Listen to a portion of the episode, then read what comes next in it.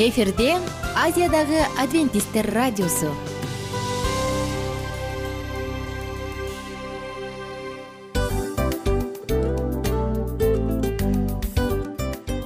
Достор салют. Баардык сүйүктүү угармандарыбызга салам айтабыз. Кутман күнүңүздөр менен. Ден соолук өмүрдүн булагы демекчи саламат саамы программасында баарыңыздарды көргөнүбүзгө абдан кубанычтабыз. Анда алгач амандашып өтөлү арбаңыздар деп. Ден соолугуңуздар кандай элибизде көбүнчө ден соолук кандай дегенде эле жакшы деп жооп беребиз э ооруп турсак дагы жакшы дейбиз. Анан мен муну айтып ойлойт элем бул абдан сонун сөз депчи анткени бул жакшы деген үмүт да э ооба баары жакшы болот баары сонун. Деп үмүттөнүп атып эле өзүбүздү өзүбүз дарылап коебуз. Анысы кандай сиздин дагы ден соолугуңуз жакшы беш деген үмүттөбүз чындыгында ден соолук бул өмүрдүн булагы деп бекеринен айтылган эмес деп ойлойм. Кыргыз элинде анткени эгерде ден соолук жок болсо анда адамдын жашоосунда калган баардык керектүү маңыздуу нерселер өзүнүн баалуулугун жоготуп коет. Ошондуктан ден соолук бул эң керектүү нерсе. Ооба туура айтасың кесиптешим чынында ден соолугуң жок бир эки үч күн ооруп калсаң эле кандай болуп калат? Жашоодо көз каранды болуп каласың көп нерсеге жетишпей каласың көп нерсени кыла албай каласың жада калса эшикке дүкөнгө да чыга албай каласың. Туптуура анан ден соолук болсо демек биз биздин бактыбыз тоодой деп койсок болот. Анда достор саламат саамы рубрикабызды баштайлы. Алдыда өзүңүзгө керектүү болгон сонун кеңештерди уга аласыздар. Мына ошондуктан биз менен бирге болуңуздар. Ал эми биз болсо милан жана айнура. Кеттик алга. Алга саламат саама ден соолуктун жарчысы. Саламат саама ден соолуктун ачкычы. Күн сайын сиз үчүн мыкты кеңештер сонун жаңылыктар кызыктуу фактылар биздин рубрикада.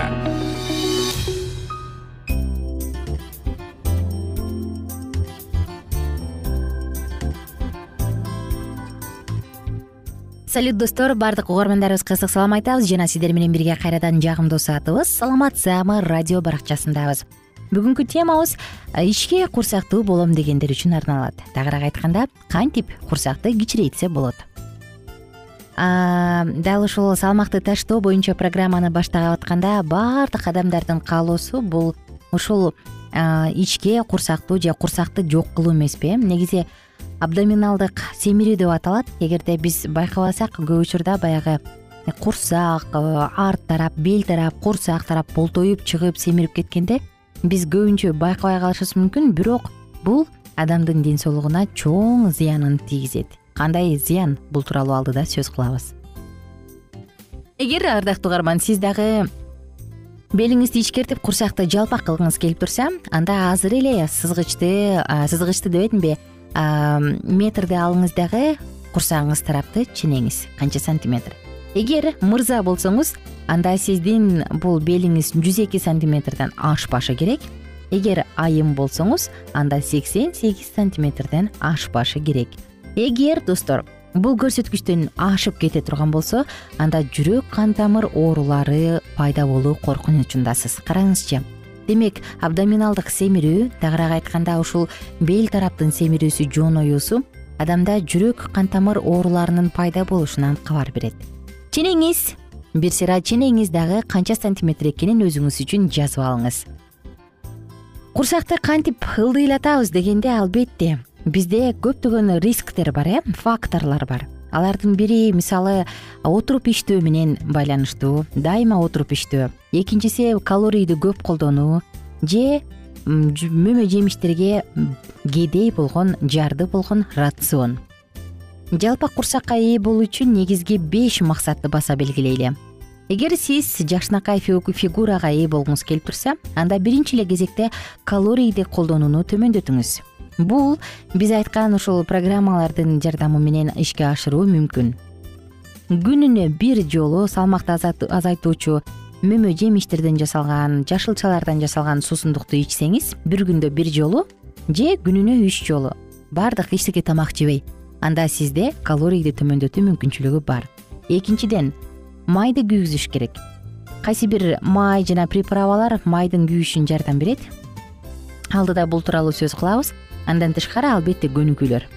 Жана үчүнчүсү ич катуудан сактаңыз.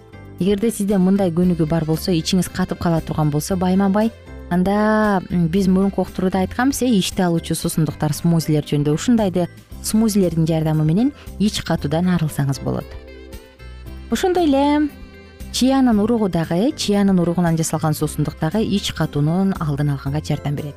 Төртүнчүдөн газды чогултуудан качыңыз ичиңизге газ чогултпаңыз. Сок булардын баардыгы тең эритилбеген клетчатка бар болгондуктан ичеги карындын метеоризмин төмөндөткөнгө жардам берет. Демек ичеги карындарда тамак ашта негизи эле тамак сиңирүүчү органыңызда тамак сиңирүү жакшырат дагы кайсы бир учурда газ топтолбой калат? Ашыкча суусундуктарды организмден чыгаруу зарыл. Суусундуктар организмде сакталып калат. Булардын көпчүлүгү көбүнчө курсак тарапта болот. Мына ошондуктан зара куб алуучу суусундуктарды ичип өзүңүздүн организмиңизге кам көрүңүз. Эми бир күндүк курсакты кичирейтүүчү меню менен бөлүшсөк. Эртең мененки таңкы учурда сиз суусундук ичесиз смузи ичесиз. Ал үчүн керектүү ингредиенттер папайя ананас ширеси жана каркаде деп аталган чай. Эки жүз элүү миллилитрдин курамында болгону жүз үч калорий бар. Экинчи завтрак грейпфрут ширеси. Обед же түшкү тамакта легкость деп аталган смузи биз жогоруда айта кетпедикпи э биз курсак ич катса эмне кылыш керек деп ушул ич катууга дагы абдан жардам берет. Сизге керектүү ингредиенттер слива же кара өрүк инжир киви жана апельсин ширеси эки жүз элүү миллилитр порцияда жүз жетимиш тогуз килокалорий бар. Түштөн кийинки тамактанууда лакрица жашыл анис жана имбирь. Мында калорий жокко эсе бирок тамак сиңирүүнү жакшыртат. Кечки тамакта чия уругунан суусундук жасайбыз. Бул үчүн сизге керектүүсү чиянын уругу жана лимон ширеси эки жүз элүү миллилитр порцияда болгону алтымыш тогуз килокалорий бар. Папайя жөнүндө да сөз кылсак атайын. Папайя бул ушул курсак тарапты кичирейтүүдө эң маанилүү ингредиент болуп саналат. Анда калорий аз бирок витаминдер жана сезгенүүгө каршы ферменттер абдан көп. Булардын баардыгы зара куб алуучу касиетке ээ салмакты азайтат жана курсак тарапты кичирейтет мындай максат менен бул папаяны смузи түрүндө же бүтүн бойдон дагы жеп же ичип коюп тура турган болсоңуз анда маанилүү. Бул дагы сизге жардам берет. Дагы бир жолу кайталасам достор бизге жалпак курсакка ээ болуш үчүн күнүмдүк калорийди төмөндөтүшүбүз керек. Жекен калорийди майды күйгүзүү зарыл ич катуудан качуу газдардын топтолушуна жол бербөө жана ашыкча суусундукту организмдеги чыгаруу эң негизги мен баса белгилегим келген нерсе бул жашыл чай имбирь э, лимон ширеси чия уругу булар бизде көп э кара өрүк инжир. Апельсин ширеси дагы бар макул грейпфрут мүмкүн кымбат папайя кымбат таба албайм десек анда башка азыктарды колдонуп дагы ичүүгө болот. Кийинки уктурууларыбызда дагы сонун маалыматтарды берүүгө даярбыз. Эмнени колдонсо болот кандай кылып колдонсо болот кантип арыктаса болоруна дагы кенен маалымат берүүгө даярбыз эгер сиз дайыма отуруп иштеген жумушта болсоңуз курсак тарап сөзсүз түрдө чыгат э бул жашоо образына байланыштуу.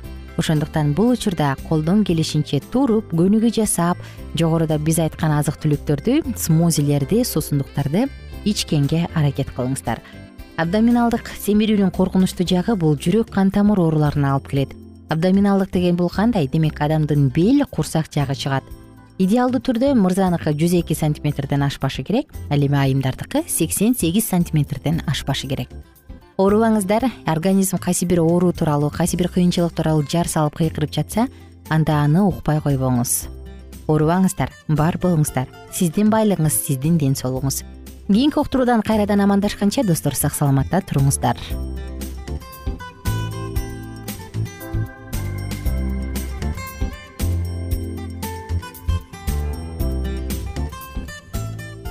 кененирээк маалыматтар үчүн үч w чекит саламат чекит клуб сайтына келип таанышыңыздар. Жана андан тышкары социалдык тармактарда youtube facebook жана instagram баракчаларына катталыңыз. Саламат саама ден соолуктун жарчысы. Саламат саама ден соолуктун ачкычы. Күн сайын сиз үчүн мыкты кеңештер сонун жаңылыктар кызыктуу фактылар. Биздин рубрикада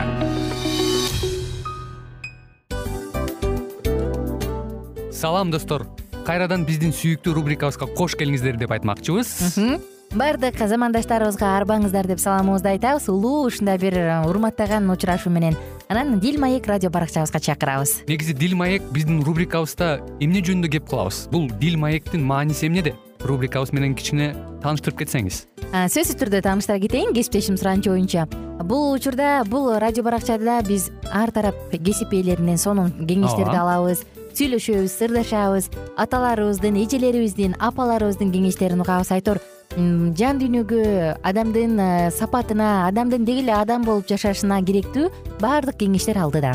Негизи э, дил маек дегенде баягы эки адамдын ортосундагы сырдашуу кенен сүйлөшүү. Негизи эле биз адамдар бири бирибиз менен бир жерге жай жерге отуруп алып өзүнчө тынч э, жашоо жөнүндө өмүрүбүздө эмне болуп атканын бөлүшкөнү жакшы көрөбүз э адамдар. Ооба туура айтасың анан мындай учурга кээде убакыт да жетпей келет э? Же болбосо сырыңды кайгыңды муңуңду кубанычыңды айткың келет а адамга ишенбешиң мүмкүн. Ооба. А бул радио баракча угармандарыбыздын чыныгы досу. Анткени бизден алган кеңеш сиздин жашооңузга чоң жардам берет. Ал эми сиздин бизге айта турган сөзүңүз ортодо гана сыр бойдон калат. Ошондуктан биздин дил маек рубрикабызга дагы бир жолу кош келиңиздер. Жана биз даярдаган маалыматтарга даяр болуңуздар. Айнура жана милан сиздер менен бирге алдыга кеттик ар түрдүү ардактуу кесип ээлеринен. Алтын сөздөр жүрөк ачышкан сыр чачышкан сонун маек. Дил маек рубрикасында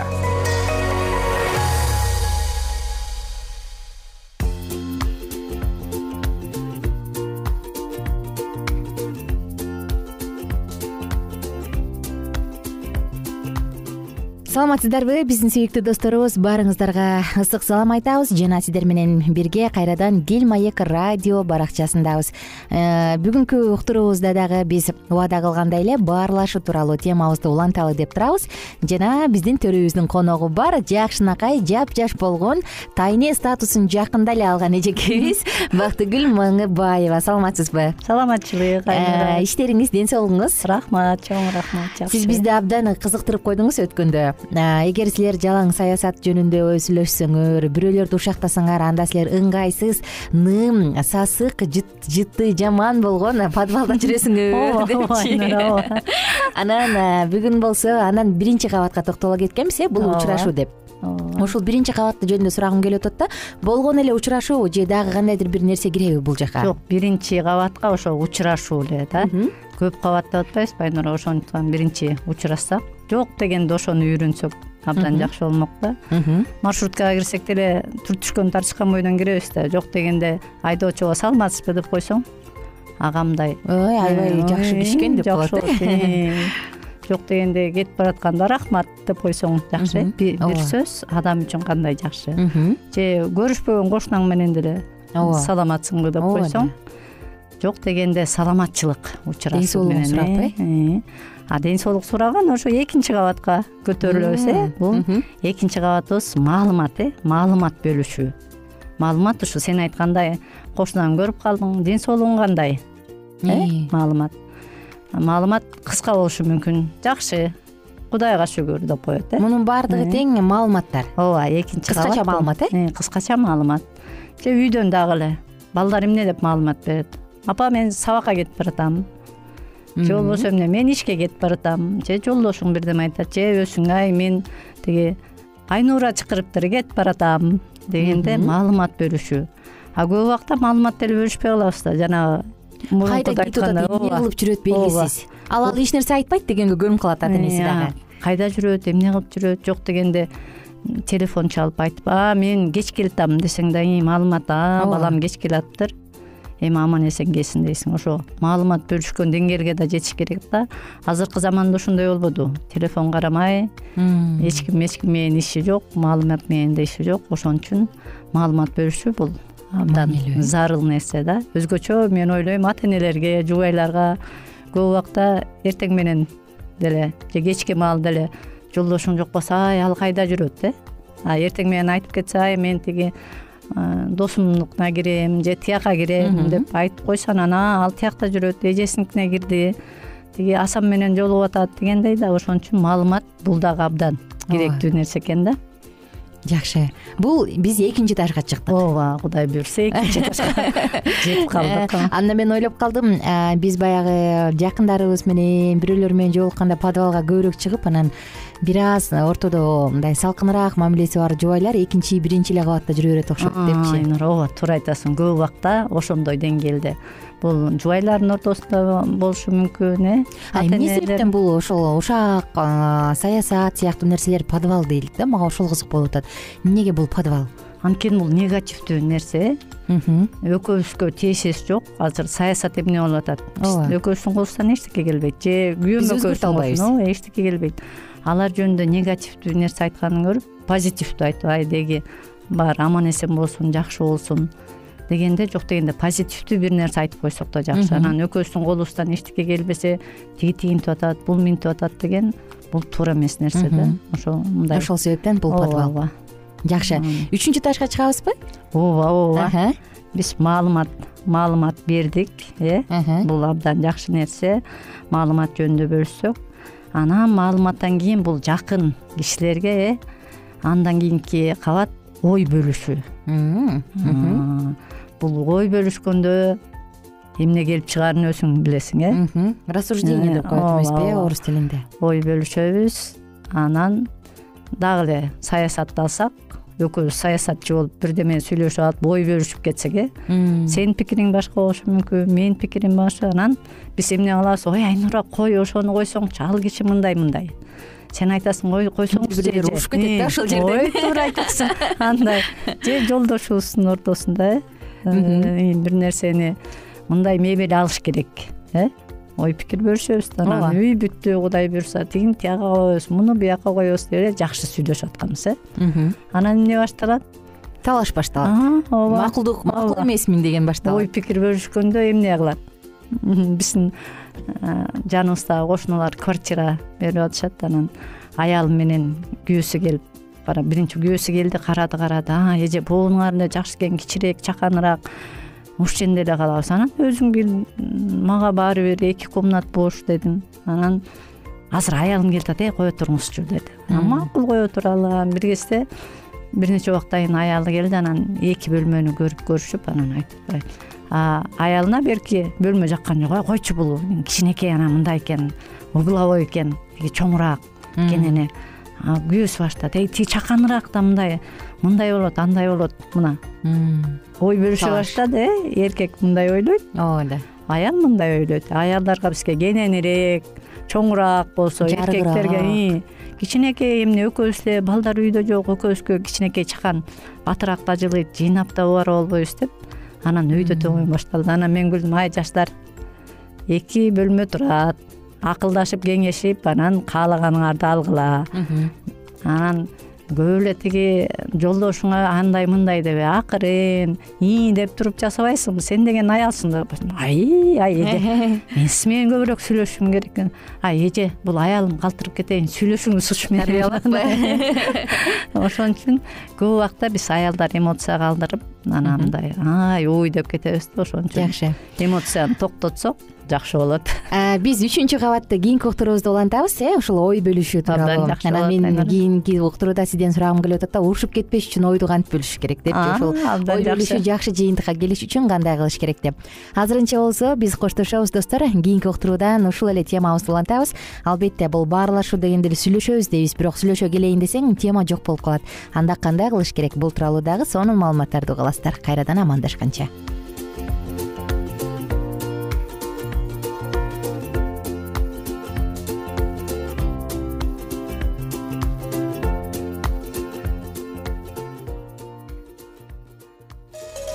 Ар түрдүү ардактуу кесип ээлеринен алтын сөздөр жүрөк ачышкан сыр чачышкан сонун маек дил маек рубрикасында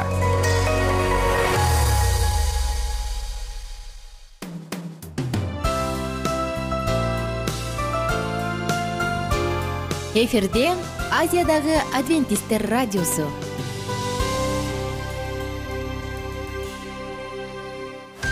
Жан дүйнөңдү байыткан жүрөгүңдү азыктанткан жашооңо маңыз тартуулаган жан азык рубрикасы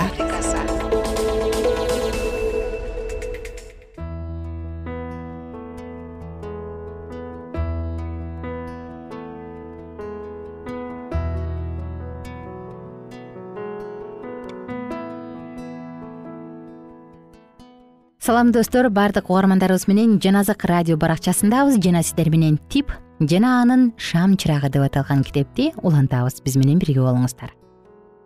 Сабактар дайыма библияны окуу менен баштала турган. Типтин жүзү албырып китебимди алып чыксамбы же жокпу деп бушайман болуп жатты. Мурда анын китеби жок болчу. Азыр болсо ал библиялуу болуп калган. Анын библиясын көргөн балдар эмне дешет болду экен? Алар бир нерсе дешсе ал эмне деп жооп берет алар албетте аны шылдыңдай башташат да анын мурунку досу боб бөтөнчө шылдыңдар. Ал эртеңкиге чейин көрсөтпөй кое турсамбы деп ойлоп кетти бирок эмне үчүн ал биринчи күндөн тартып эле өзүнүн китебин катышы керек экен? Тип леви качантан бери суу жүрөк болуп калган? Жок мындай болушу мүмкүн эмес. Тип дароо библиясын чөнтөгүнөн алып чыгып калтырап барактай баштады. Боб муну кулагы чалып тип тараптыкка жай карады да анын колундагы эмне китеп экенин тааный койду. Ал ышкырыш үчүн оозун эптештирип анан типти таң кала карап калды. Типтин колунан китебин жулуп алып пастор жазып койгон атты окуду. Ийде ушундай дечи? деп шыбырады ал. Сен ыйык болуп калган көрүнөсүң э? Тип эч нерсе деп жооп берген жок. Болгону жүзү ого бетер кызарып библиясын кайра тартып алды ал өзүнүн сырын ачканга убакыт жеткенин түшүндү. Анткени анын ыйса машаякты ээрчүүнү чечкенин эч ким биле элек эле китептин тиешелүү бетин ачып чечкиндүүлүк менен өзүнөн башка кырк баланын үнүнө кошулушу керек эле. Ал толтура бала олтурса дагы өзүнүн үнү бөлүнүп калчудай болуп биринчи сөздү окуурдан мурун көпкө чейин үнүн жасап жөтөлүп жатты. Акыры анын оозунан төмөнкү сөздөр чыкты ким мени адамдардын алдында ачык тааныса мен да аны асмандагы атамдын алдында ачык тааныйм ким адамдардын алдында менден баш тартса мен да асмандагы атамдын алдында андан баш тартам. Жанындагы боб үнүн акырын чыгара бир күлкүлүү ырдырдай баштады. Ал ушул сонун бөлүм окулуп бүткүнчө ырын токтоткон жок. Анын ыры албетте типке арналган эле. Ал ырды укпай китепти окууга аракет кылса да болбой эле ырдын ар бир сөзүн угуп жатты. Ушул ички күрөшкө карабастан типтин жүрөгү ыраазычылыкка толуп өзү окуган сөздөрдү кубаныч менен кабыл алып жатты. Качандыр бир убакта тикенек таажы кийген ыйса азыр даңкка бөлөнгөнүн жана ошол куткаруучу ал үчүн кыйынчылыктарды баштан өткөрүп өлүмдү жеңип өткөнүн билди мугалим сыйына баштаганда тип да жүрөгүнүн түпкүрүнөн ага кошулду. Боб аны бутка тепкилеп кытыгылап чачынан тартканына карабастан ал бир да жолу башын көтөргөн жок сыйынууга болгон каалоосун да жоготкон жок.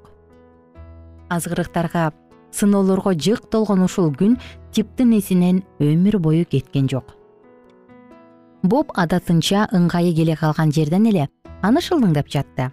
Мурун анын тентектигин тең бөлүшкөн досунан кол жууганына ичи ачышкан боб ар нерсе ойлоп таап андан өч алып жатты. Анын ойлоп тапкан нерселеринин баары байкуш типтин ачуусуна тийиш үчүн эң жакшы ойлонуштурулган эле. Маселен толтура сандарды кошуп болуп кылдаттык менен көчүрүп бүткөндөн кийин бобтун суулуу сөөмөйү менен анын доскасын чийгилеп көз ачып жумганча эле типтин эмгегинин баарын таш талканын чыгарды. Бирок баары ушуну менен эле бүтүп калган жок. Тип өзүнүн терең тамыр алып калган эски адаттарынан бошонуу үчүн аябагандай зор күрөшкө туш болду анын сабак учурунда кошунасы менен шыбырашып алма жеп же классташтарынын артына ар кандай сүрөттөрдү тартып чаптай коймок адаты бар эле. Эми тынч отуруп жакшы окуш үчүн ага көп күч талап кылынды. Көрсө окуу абдан кыйын турбайбы? Ал муну эми гана түшүнүп жатты. Туура жазуу эле ага канча түйшүк алып келди дейсиң? Толтура сөздөр бар жана алардын ар бири ар башкача жазылат. Анан мунун баарын жаттап алуу да оңой жумуш эмес экен айрыкча могу боб деген неме жаныңа отуруп алып ачууңа тийип алынып жетишинче алаксытып жатканда. Акыры типтин чыдамы дагы түгөндү боб анын эски сөздүгүн жерге үчүнчү жолу түшүрүп жиберди. Ал бобко бурулуп эй азыр дагы бир жолу менин китебимди жерге ыргыта турган болсоң мен сенин сумкаңды терезеден ыргытып жиберем. Уктуңбу деди. Эдуард леви сабакта сүйлөшүп отурганың үчүн мен сени журналга жазууга аргасызмын. Сен жаңы черекти дагы эле баягы жаман адаттарың менен баштаганы жатасыңбы кайра эле сен класс боюнча биринчи болуп эскертүү алып жатасың? Типтин жаны кашайып кетти. Бул адилетсиздик да. Ал деген өзгөргүсү келет. Ооба бирок анын каалоосун кудай эле билчү. Ал канча аракет кылбасын мунусун эч нерсе менен далилдейлик болчу ушунун баарын ойлоп көзүнө жаш айлана жаагын таянып кайгырып отуруп калды. Боб дароо анын кулагына келе калып мальбрук жүрүшкө чыгырыптыр деп кыңылдап ырдай баштады. Типке анын тамашалары аябай жакчу эми болсо алар ушунчалык маанисиз жаман экенин сезди. Анын көңүлү чөгө баштады ал башын көтөрүп эки жагын карады.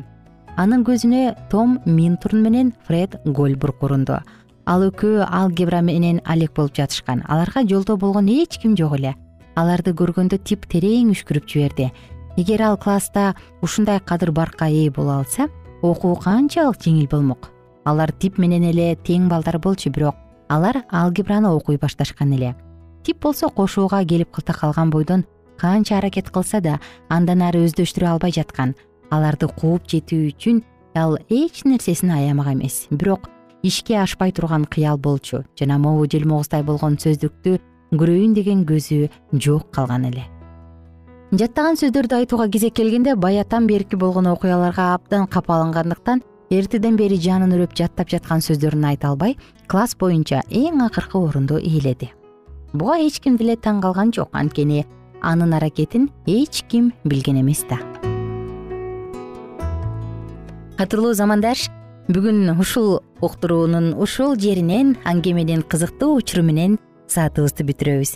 Жалпыңыздар менен убактылуу коштошобуз жана кийинки уктуруудан кайрадан амандашканча сак саламатта туруңуздар.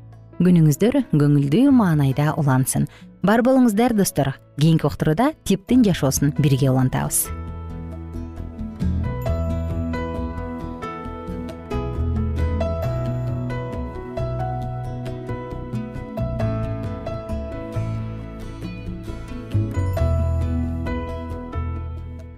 эгер сиздерде суроолор болсо же көбүрөөк маалымат билем десеңиз анда биздин whatsapp номерибизге жазыңыз. Плюс бир үч жүз бир жети жүз алтымыш алтымыш жетимиш. Кайрадан плюс бир үч жүз бир жети жүз алтымыш алтымыш жетимиш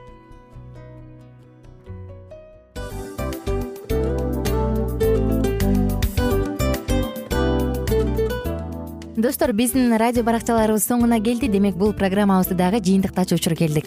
Учурга келдик. Анан кесиптешимден сурагым келип турат. Негизи эле иштин башталып атканы кубандырабы сени же жыйынтыгы кубандырабы албетте жыйынтыгы. Себеп дегенде сен кылган ишиңдин жыйынтыгын көрүп э, баягы мөмөсүн көрүп дегендей жыргайсың жүрөгүң жемишинен тартып э?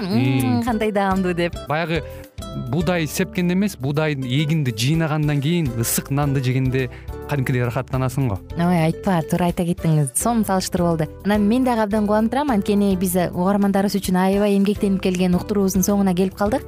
Анан эми э, уктуруубуздун соңунда угармандар кандай пайда алып калды экен деп күтүп турам да. Балким э, менин жашоомо өзгөрүү киргизе турган сонун сөздөр болду. Мен ушул нерсени изилдеп анан кабыл албасам ушул нерсени кылбасам деген чечим чыгарсаңыз анда биз абдан кубанычтабыз. Сөзсүз түрдө. Андыктан кийинки биздин кызыктуу уктурууларыбыздан көрүшкөнчө сак саламатта калыңыздар. Чыдамсыздык менен сиздерди мен милан жана кесиптешим айнура күтөбүз баардык угармандарыбызга ийгиликтүү күн каалайбыз. Качан гана болбосун уртуңуздан жылмаюу кетпесин үйүңүздө көмүр жүрөгүңүздө көңүл болсун дейли